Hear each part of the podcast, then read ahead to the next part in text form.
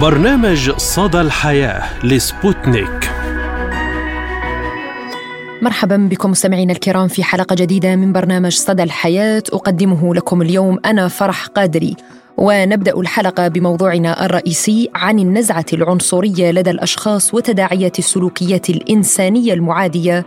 حوادث كثيرة لاعتداءات متكررة ضد سياح في دول أوروبية وفي تركيا مؤخرا.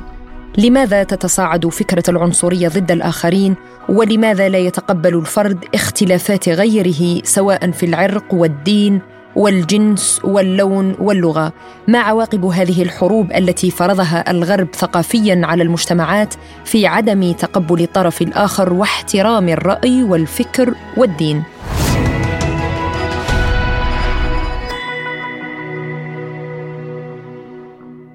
اهتزت مواقع التواصل الاجتماعي هذا الأسبوع بعد حادثة الاعتداء على سائح كويتي في مدينة طرابزون التركية بسبب إشكال في مطعم من قبل أربعة رجال أمام مرأى العالم والناس. جوني غدرة خمس تركيين أربعة اللي قدروا فيني بآلات حادة والخامس اللي ضربني قدام الشرطي لو عندك شيء يثبت أني أنا غلطان وساب أحد من إخواني السوريين؟ نزلة. أنا قسما بالله خلال الثلاث أيام القنصلية والسفارة والوزير وكل خليجي وقف وياي. الحمد لله. الحمد لله إني أنا كويتي. تمارس العنصرية والتمييز العنصري يوميا ضد ملايين الأشخاص حول العالم وتقضي العنصرية والتعصب على الأرواح والمجتمعات. فبعد سنوات كانت فيها تركيا ملاذا للاجئين والمهاجرين العرب اليوم هناك حوادث لاعتداءات متكررة ضد العرب.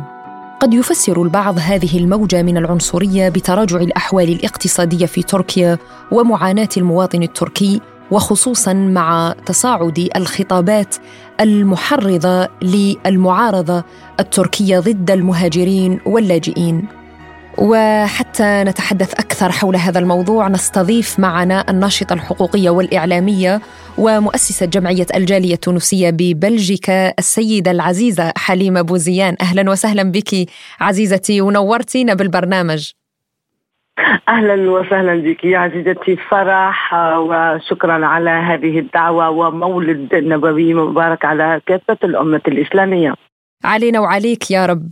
يعني في هذا اليوم المبارك والفضيل والذي تميز به سيدنا محمد عليه أفضل الصلاه والتسليم بمعاملة الناس ب كل حب وكل مساواة. نتحدث عن الكراهية والعنصرية.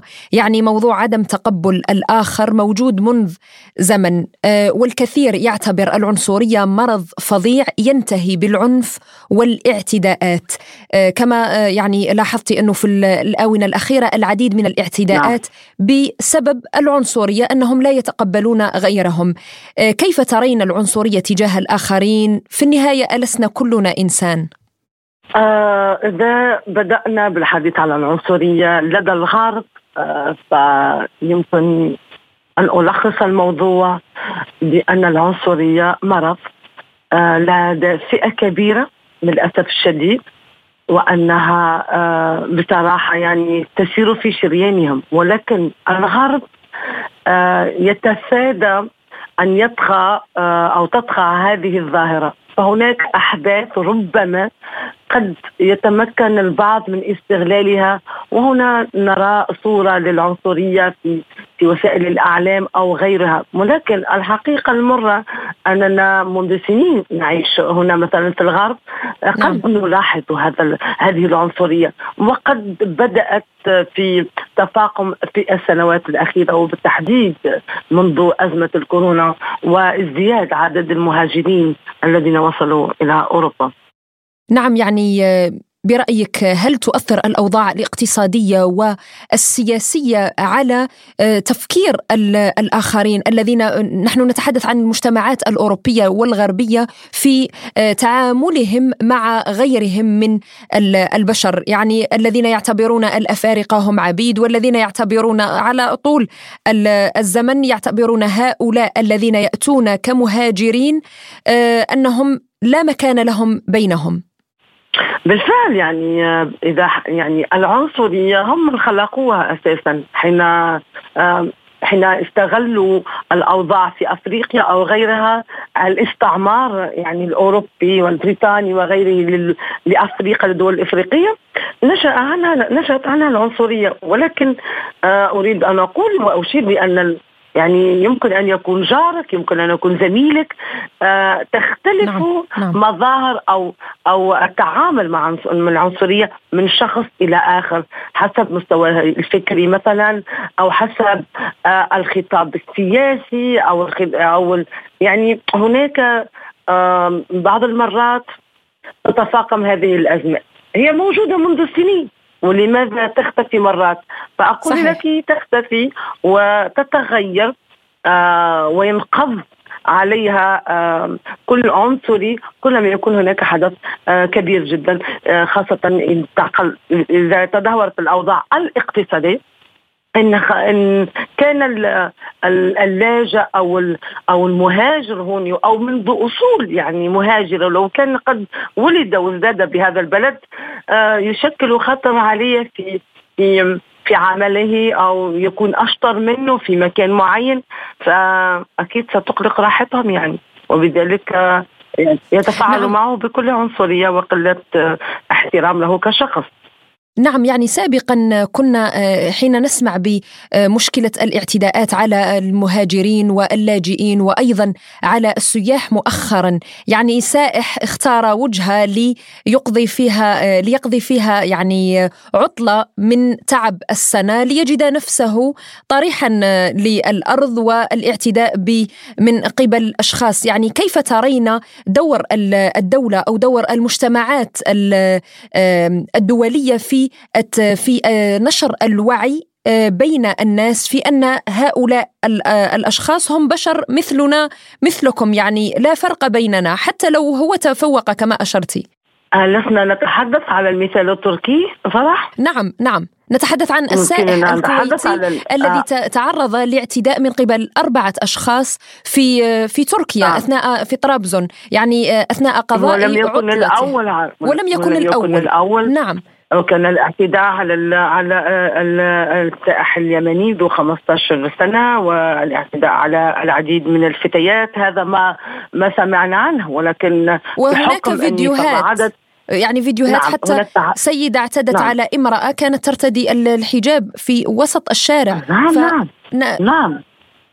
بالتأكيد هناك يعني العديد من التونسيات والتوانسه والجالية المغربية كانت متواجدة والعراقيه كذلك متواجدة بصفة رسمية للعمل أو أو تسوق بتركيا. فاكدوا لنا يعني في الآونة الأخيرة هناك يعني تمييز عنصري. هناك نعم. ظاهره أن الأكراد لا يريدون أن يتكلمون أي لغة. وهذا خطر جدا. يعني حتى بالدول الأوروبية يمكن أن تتكلم أحد اللغة, اللغة العربية كالفرنسي أو الإنجليزي أو غيره. أنت في تركيا سيدي لا يمكنك إلا الحديث بالتركية. قلما يعني هناك أحد من من المواطنين أن يرجع عليك باللغة العربية أو بلغة أخرى. يعني حبهم نرجع هوني إلى الفكر العثماني حسبي يعني بالنسبة لي. وكذلك هذه الميزة أن أنهم المفضلون والمفضلين وفي عامل آخر وهو العامل السياسي والانتخابات واللغة السياسية لأنها كانت يعني على مرتين مرحلة 2011 في الانتخابات ونراها كذلك في الانتخابات البلدية 2023 استعمال استعمال هذه الظاهرة ظاهرة العنصرية في في كارت الانتخابي مثلا.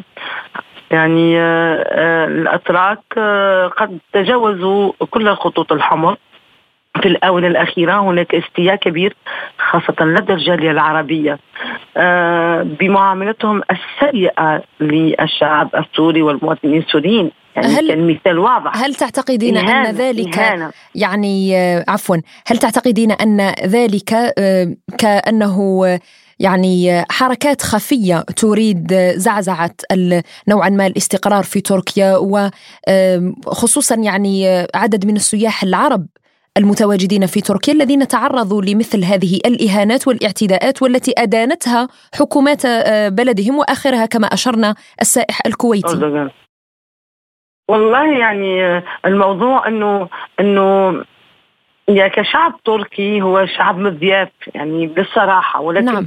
أريد واكرر أني يعني أول بلد بلد تركيا للأمانة قد استقبلت أكثر من 7 مليون آه، لاجئ سوري فتحت أبوابها للسوريين ولكن هل كان ذلك حبا في السوريين والعرب وإنقاذ الموقف أو لاستغلالهم كورقة للاستفادة من من التعاملات والمعاملات الدولية. آه، خطاب أردوغان الذي حتى في حتى في شعب على عدم التصرف بكل هذه مثل هذه التصرفات. يبقى مجرد خطابات آه، حبر على ورق لأنها الآن الكل لا يريد البقاء في في تركيا والعديد من السياح. آه، بدأوا العديد من وكالات الأصفار منذ آه، أشهر بدأوا ب توعية الناس إلى الاتجاه إلى دول أخرى آه ويتركون تركيا آه لضرب ربما يعني الاقتصاد التركي. وهي نعم. جهات ممكن غربية خفية تريد لأنه السياحة في تركيا هذا ما تحقق مستويات عالية. نعم. لا هذا ما أردت الإشارة إليه. يعني آه لو تابعنا على وسائل التواصل الاجتماعي أو خاصة التيك توك والإنستغرام نرى أن هناك يعني وكالات جديدة آه فجأة يعني توجه خاصة يعني الشرق آه، الأوسط أو الخليج العربي يعني هو حالة شاذة وقع الاعتداء عليها فترى أن إليك كوسوفو إليك ألبانيا تعال إلى كرواتيا عن جد. نعم. هناك التوجيه حتى في توجيه للتوجيه السائح يعني بدلا من تركيا بدلا من تركيا. دون أن يقع توجيه مثلا إلى البلدان العربية كالمغرب وتونس أو غيرها أو الجزائر فقط إلى بلدان معينة. فأظن أن هناك مخطط وهناك يعني ضرب السياحة بتركيا ضرب الاقتصاد التركي خلق مزيد من الثغرات بين بين ما يأمل وما تطمح به تركيا من وما قامت به لحماية آه، السوريين أصبحت هي من تعتدي عليها. نعم يعني برأيك هل يختلف موقف المثقفين عن عامة الشعب فيما يتعلق بالعنصرية وتقبل الآخرين؟ يعني إلى أي مدى هو مهم المستوى التعليمي والثقافي للأفراد؟ بكل تأكيد بكل تأكيد.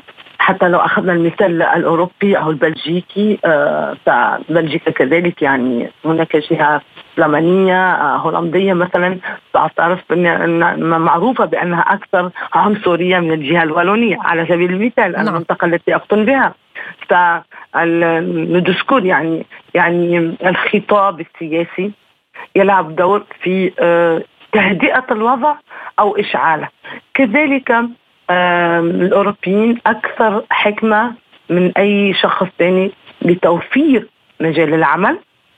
تكون هناك عنصرية ولكن بشروط آه عدم قبولك ب هناك هناك يعني العديد من التصرفات ليست جسدية أو بالعنف كعنصري. هذه فئة شاذة ولكن يطبقونها يعني العنصرية في بعض الأحكام في بعض القوانين في بعض الإدارات. يعني بطريقة جد سلمية. يعني إنك ان تكون عنصري. ليس فقط أن تهدم وتصرخ. لا هناك بعض الشركات التي لا تقبل لا تقبل الأفارقة أو لا تقبل المحجبة. وهناك العديد والعديد من المواضيع الشائعة في فرنسا حاليا وفي أوروبا. نعم يعني ورأينا مقطع فيديو لتكريم عدد من الأطفال الصغار في آه، لاعبي لاعبات الجمباز وتم تجاوز طفلة من البشرة السمراء آه، بكل يعني نعم. عنصرية وكراهية. آه، كيف لا وهي طفلة صغيرة؟ يعني هنا تتحدث الإنسانية والضمير الإنساني قبل أن يعني نخاطب. حتى لو كانت مثلا هذه الامرأة في أعلى مستويات العلم ولكن النزعة العنصرية التي ترعرعوا عليها المجتمع الغربي لا يقبل أن يكون مثلا من شخص من ذوي البشرة السمراء أحسن منهم أو يكرم مثلا في المحافل الدولية نعم أعتقد. ولكن نعم لأن هناك في الآونة الأخيرة والسنوات الأخيرة هناك مثل البنزين الذي الذي يصب لحتى تشتعل النيران أكثر، لماذا؟ ازدياد عدد اللاجئين. أقولها التي ترى ازدياد يعني عدد كبير كبير كثير وكبير سواء بتركيا سواء باوروبا يعني صار الأوروبي مهدد في سكنه لأنه السكن صار يعني مرتفع كثير. مهدد في أن يلقى ممكن عمل متوسط. يفضل أن يستعمل الأفارقة أو أو غيرهم براتب زهيد جدا. هناك يعني آه، آه، دائما حين نتحدث عن العنصريه نتحدث على على عدم توازن، نتحدث على مثل مرض يصيب المجتمع ويحاول الغرب بكل أساليبه خاصة الاعتماد على القوانين بالنسبة لقوانين آه، حقوق الإنسان وغيرها والاحترام حتى لا تتفاقم مثل هذه آه، مثل هذه التظاهرات لأن العنصرية خطر خطر خطر يهدد كل كل آه، عربي وكل مسلم وكل أجنبي متواجد على أراضيهم سواء كانوا موجودين هنا أو كذلك بسوريا نعم يعني هل تعتقدين أن هناك حل لوقف هذه الغريزة؟ أو ربما أقول النزعة الفردية في كل إنسان. يعني ما الحل لوقف العنصرية برأيك؟ يعني هو هنا ضربت على الوتر الحساس حين نتحدث على الجمعيات مثل جمعيتي. حين نتحدث على الجمعيات الخيرية ودور النشطاء في المجتمع المدني. نعم. آه فيكون هناك عنوان كبير لدينا. نشتغل عليه سنة سنتين. هو التعايش والتسامح. يعني التعايش والتسامح واحترام الآخر. آه بالهولندي نقول صامليبن حتى نتمكن من العيش سوا. شو معناتها؟ تكون أنت أفريقي تكون أنت أوكراني تكون عربي. آه نخلق دائما يعني مبادرات نخلق يعني ننشا دورات آه كذلك لتحسيسيه آه نحاول نقربوا مثلا الجيران من بعضهم في الحي.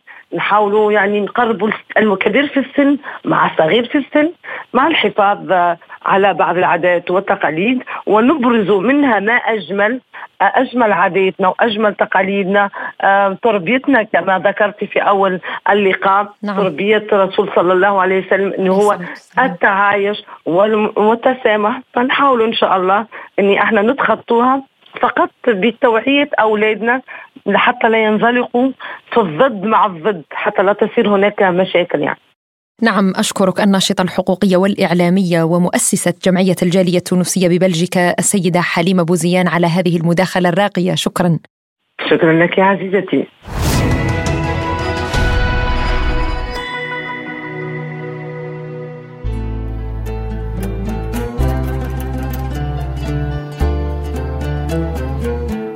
ونواصل معكم مستمعينا الكرام حلقة اليوم من صدى الحياة بأجواء الاحتفالات بالمولد النبوي الشريف في لبنان التقرير للزميل عبد القادر الباي. يحتفل المسلمون في لبنان كل عام في الثاني عشر من ربيع الأول الهجري بالمولد النبوي الشريف. ويتصدر مشهد الاحتفال توزيع الحلويات في الشوارع وصوت المدائح النبوية التي تصدح من التي تصدح من مكبرات الصوت إلا أن الاحتفال بالذكرى في مدينة صيدا جنوب لبنان له نكهة خاصة. فلا تزال النوبة تقام في المدينة وهي مسيرة لفرقة زاوية الدقور الرفاعية الصوفية تسير في الشوارع والأزقة ترفع فيها الرايات الخضراء على وقع قرع الطبول والصنوج والمدائح. ويمارس أيضا خلال المسيرة ضرب الشيش أي غرز سيخ معدني في وجه أحد المشاركين أو جسده.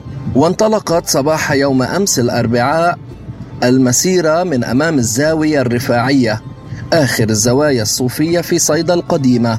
وتابعها الأهالي من شرفات ونوافذ منازلهم ومحالهم. وبعض منهم رش ماء الورد عليهم أما البعض الآخر فنثر الأرز.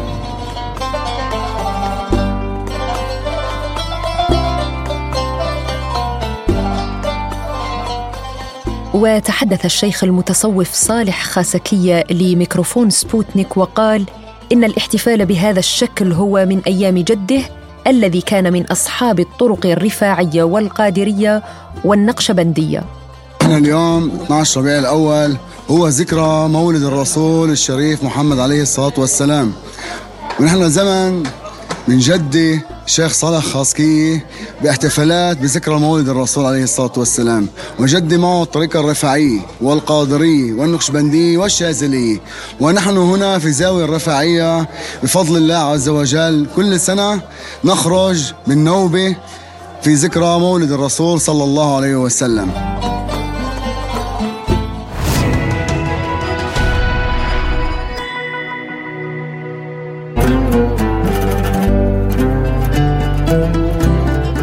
الثاني عشر من ربيع الأول يوم يختلف عن بقية الأيام لدى المسلمين هو يوم ولد فيه سيد الخلق ومن اصطفاه الله نبيا وجعله خاتم الأنبياء والمرسلين.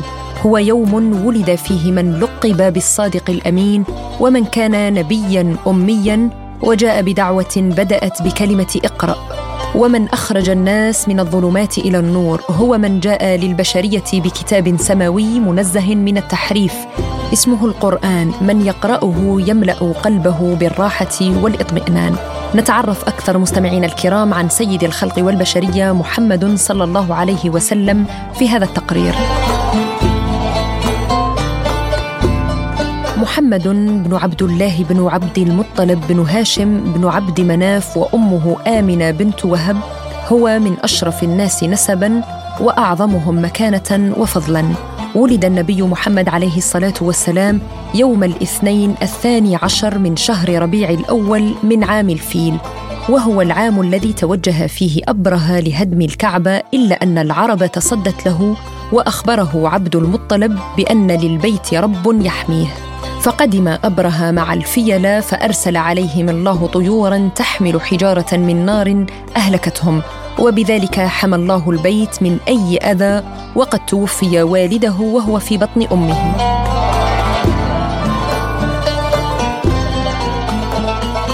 قالوا حليمة كم طفل بغير أب وهل أتيت لأجل حليمة السعدية المرضعة بعد أن قدمت إلى قريش تلتمس أي من الرضعاء وكان لها ابنا رضيعا لا تجد ما يسد جوعه. ذلك بعد أن رفضت نساء ابن سعد إرضاع النبي عليه السلام بسبب فقده لوالده.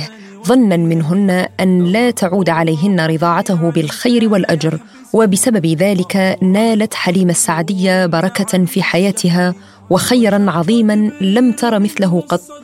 ونشأ محمد عليه السلام والصلاة بخلاف غيره من الشباب من حيث القوة والشدة. توفيت والدة النبي عليه السلام آمنة بنت وهب وهو ابن ست سنوات وكانت عائدة به من منطقة الأبواء.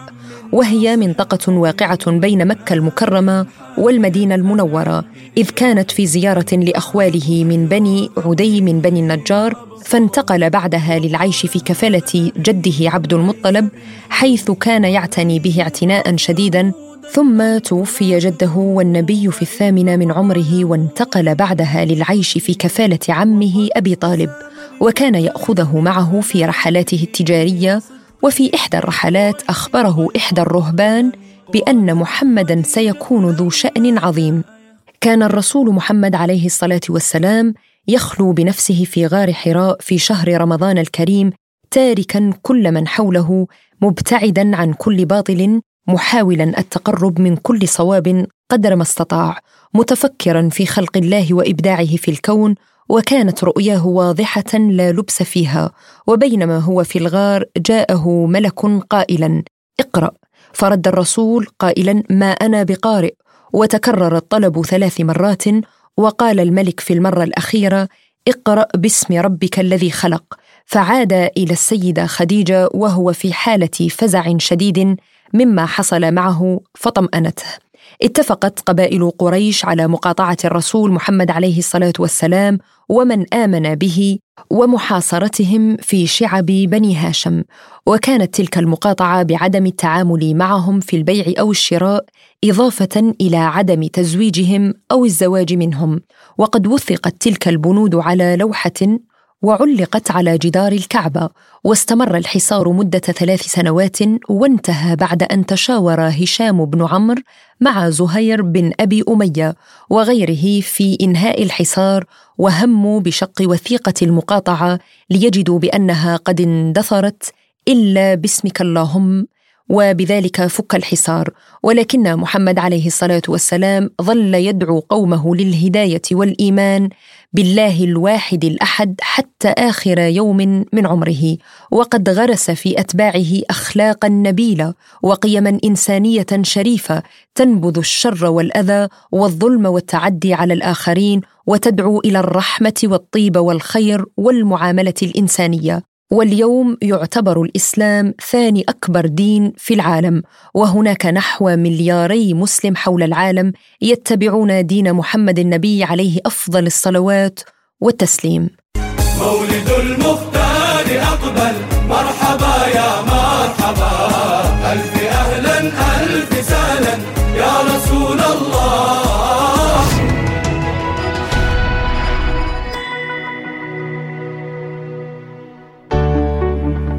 ونختم حلقة اليوم من برنامج صدى الحياة بمعلومة طبية كما عودناكم متابعينا الكرام. علماء روس يبتكرون طريقة جديدة لمكافحة مرض إلزهايمر. اقترح علماء روس من جامعة بطرس الأكبر في سان بطرسبرغ الروسية للفنون التطبيقية طريقة جديدة لمكافحة مرض إلزهايمر ووفقا لهم فإن الآلية التي اكتشفوها لتحفيز نشاط الخلايا النجمية والتي يقصد بها الخلايا التي تساعد الخلايا العصبية يمكن أن تكون بمثابة الأساس لعلاج فعال لهذا المرض. واقترح العلماء واختبروا نهجا جديدا لهذه المشكلة على الحيوانات النموذجية ووفقا لهم من خلال العمل بطريقة خاصة على الخلايا العصبية أنه من الممكن تحقيق استعادة كبيرة لوظائف الخلايا العصبية التالفة. وقال العالم الروسي ييفغيني جيراسيموف على عكس الأساليب الحالية حيث يتركز التأثير على الخلايا العصبية التالفة حاولنا التصرف بشكل غير مباشر باستخدام أساليب علم البصريات الوراثي وتحفيز الخلايا النجمية والتي يمكن تسميتها المساعدة الرئيسية للخلايا العصبية. وقالت الباحثة الروسية أولغا فلاسوفا إنه جزء من المواد التي تطلقها الخلايا النجمية يهدئ الخلايا العصبية التي يتم استثارتها بشكل مفرط أثناء تطور مرض ألزهايمر في حين أن الآخر له تأثير إيجابي على نشاطها الكهربائي. وهذا نهج جديد بشكل أساسي لعلاج هذا المرض. ووفقا للعلماء أظهرت الاختبارات التي أجريت على فئران المختبر أن التأثير العام لإطلاق الناقلات الدبقية يتجلى في التنظيم الإيجابي لنشاط الخلايا العصبية واستعادة خصائصها الوظيفية.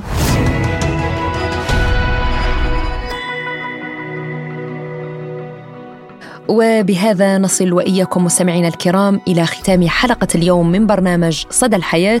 كنت فيها معكم أنا فرح قادري ويمكنكم متابعة أخبارنا وبرامجنا عبر موقعنا الإلكتروني سبوتنيك dot AE وقناتنا على تليجرام سبوتنيك عربي.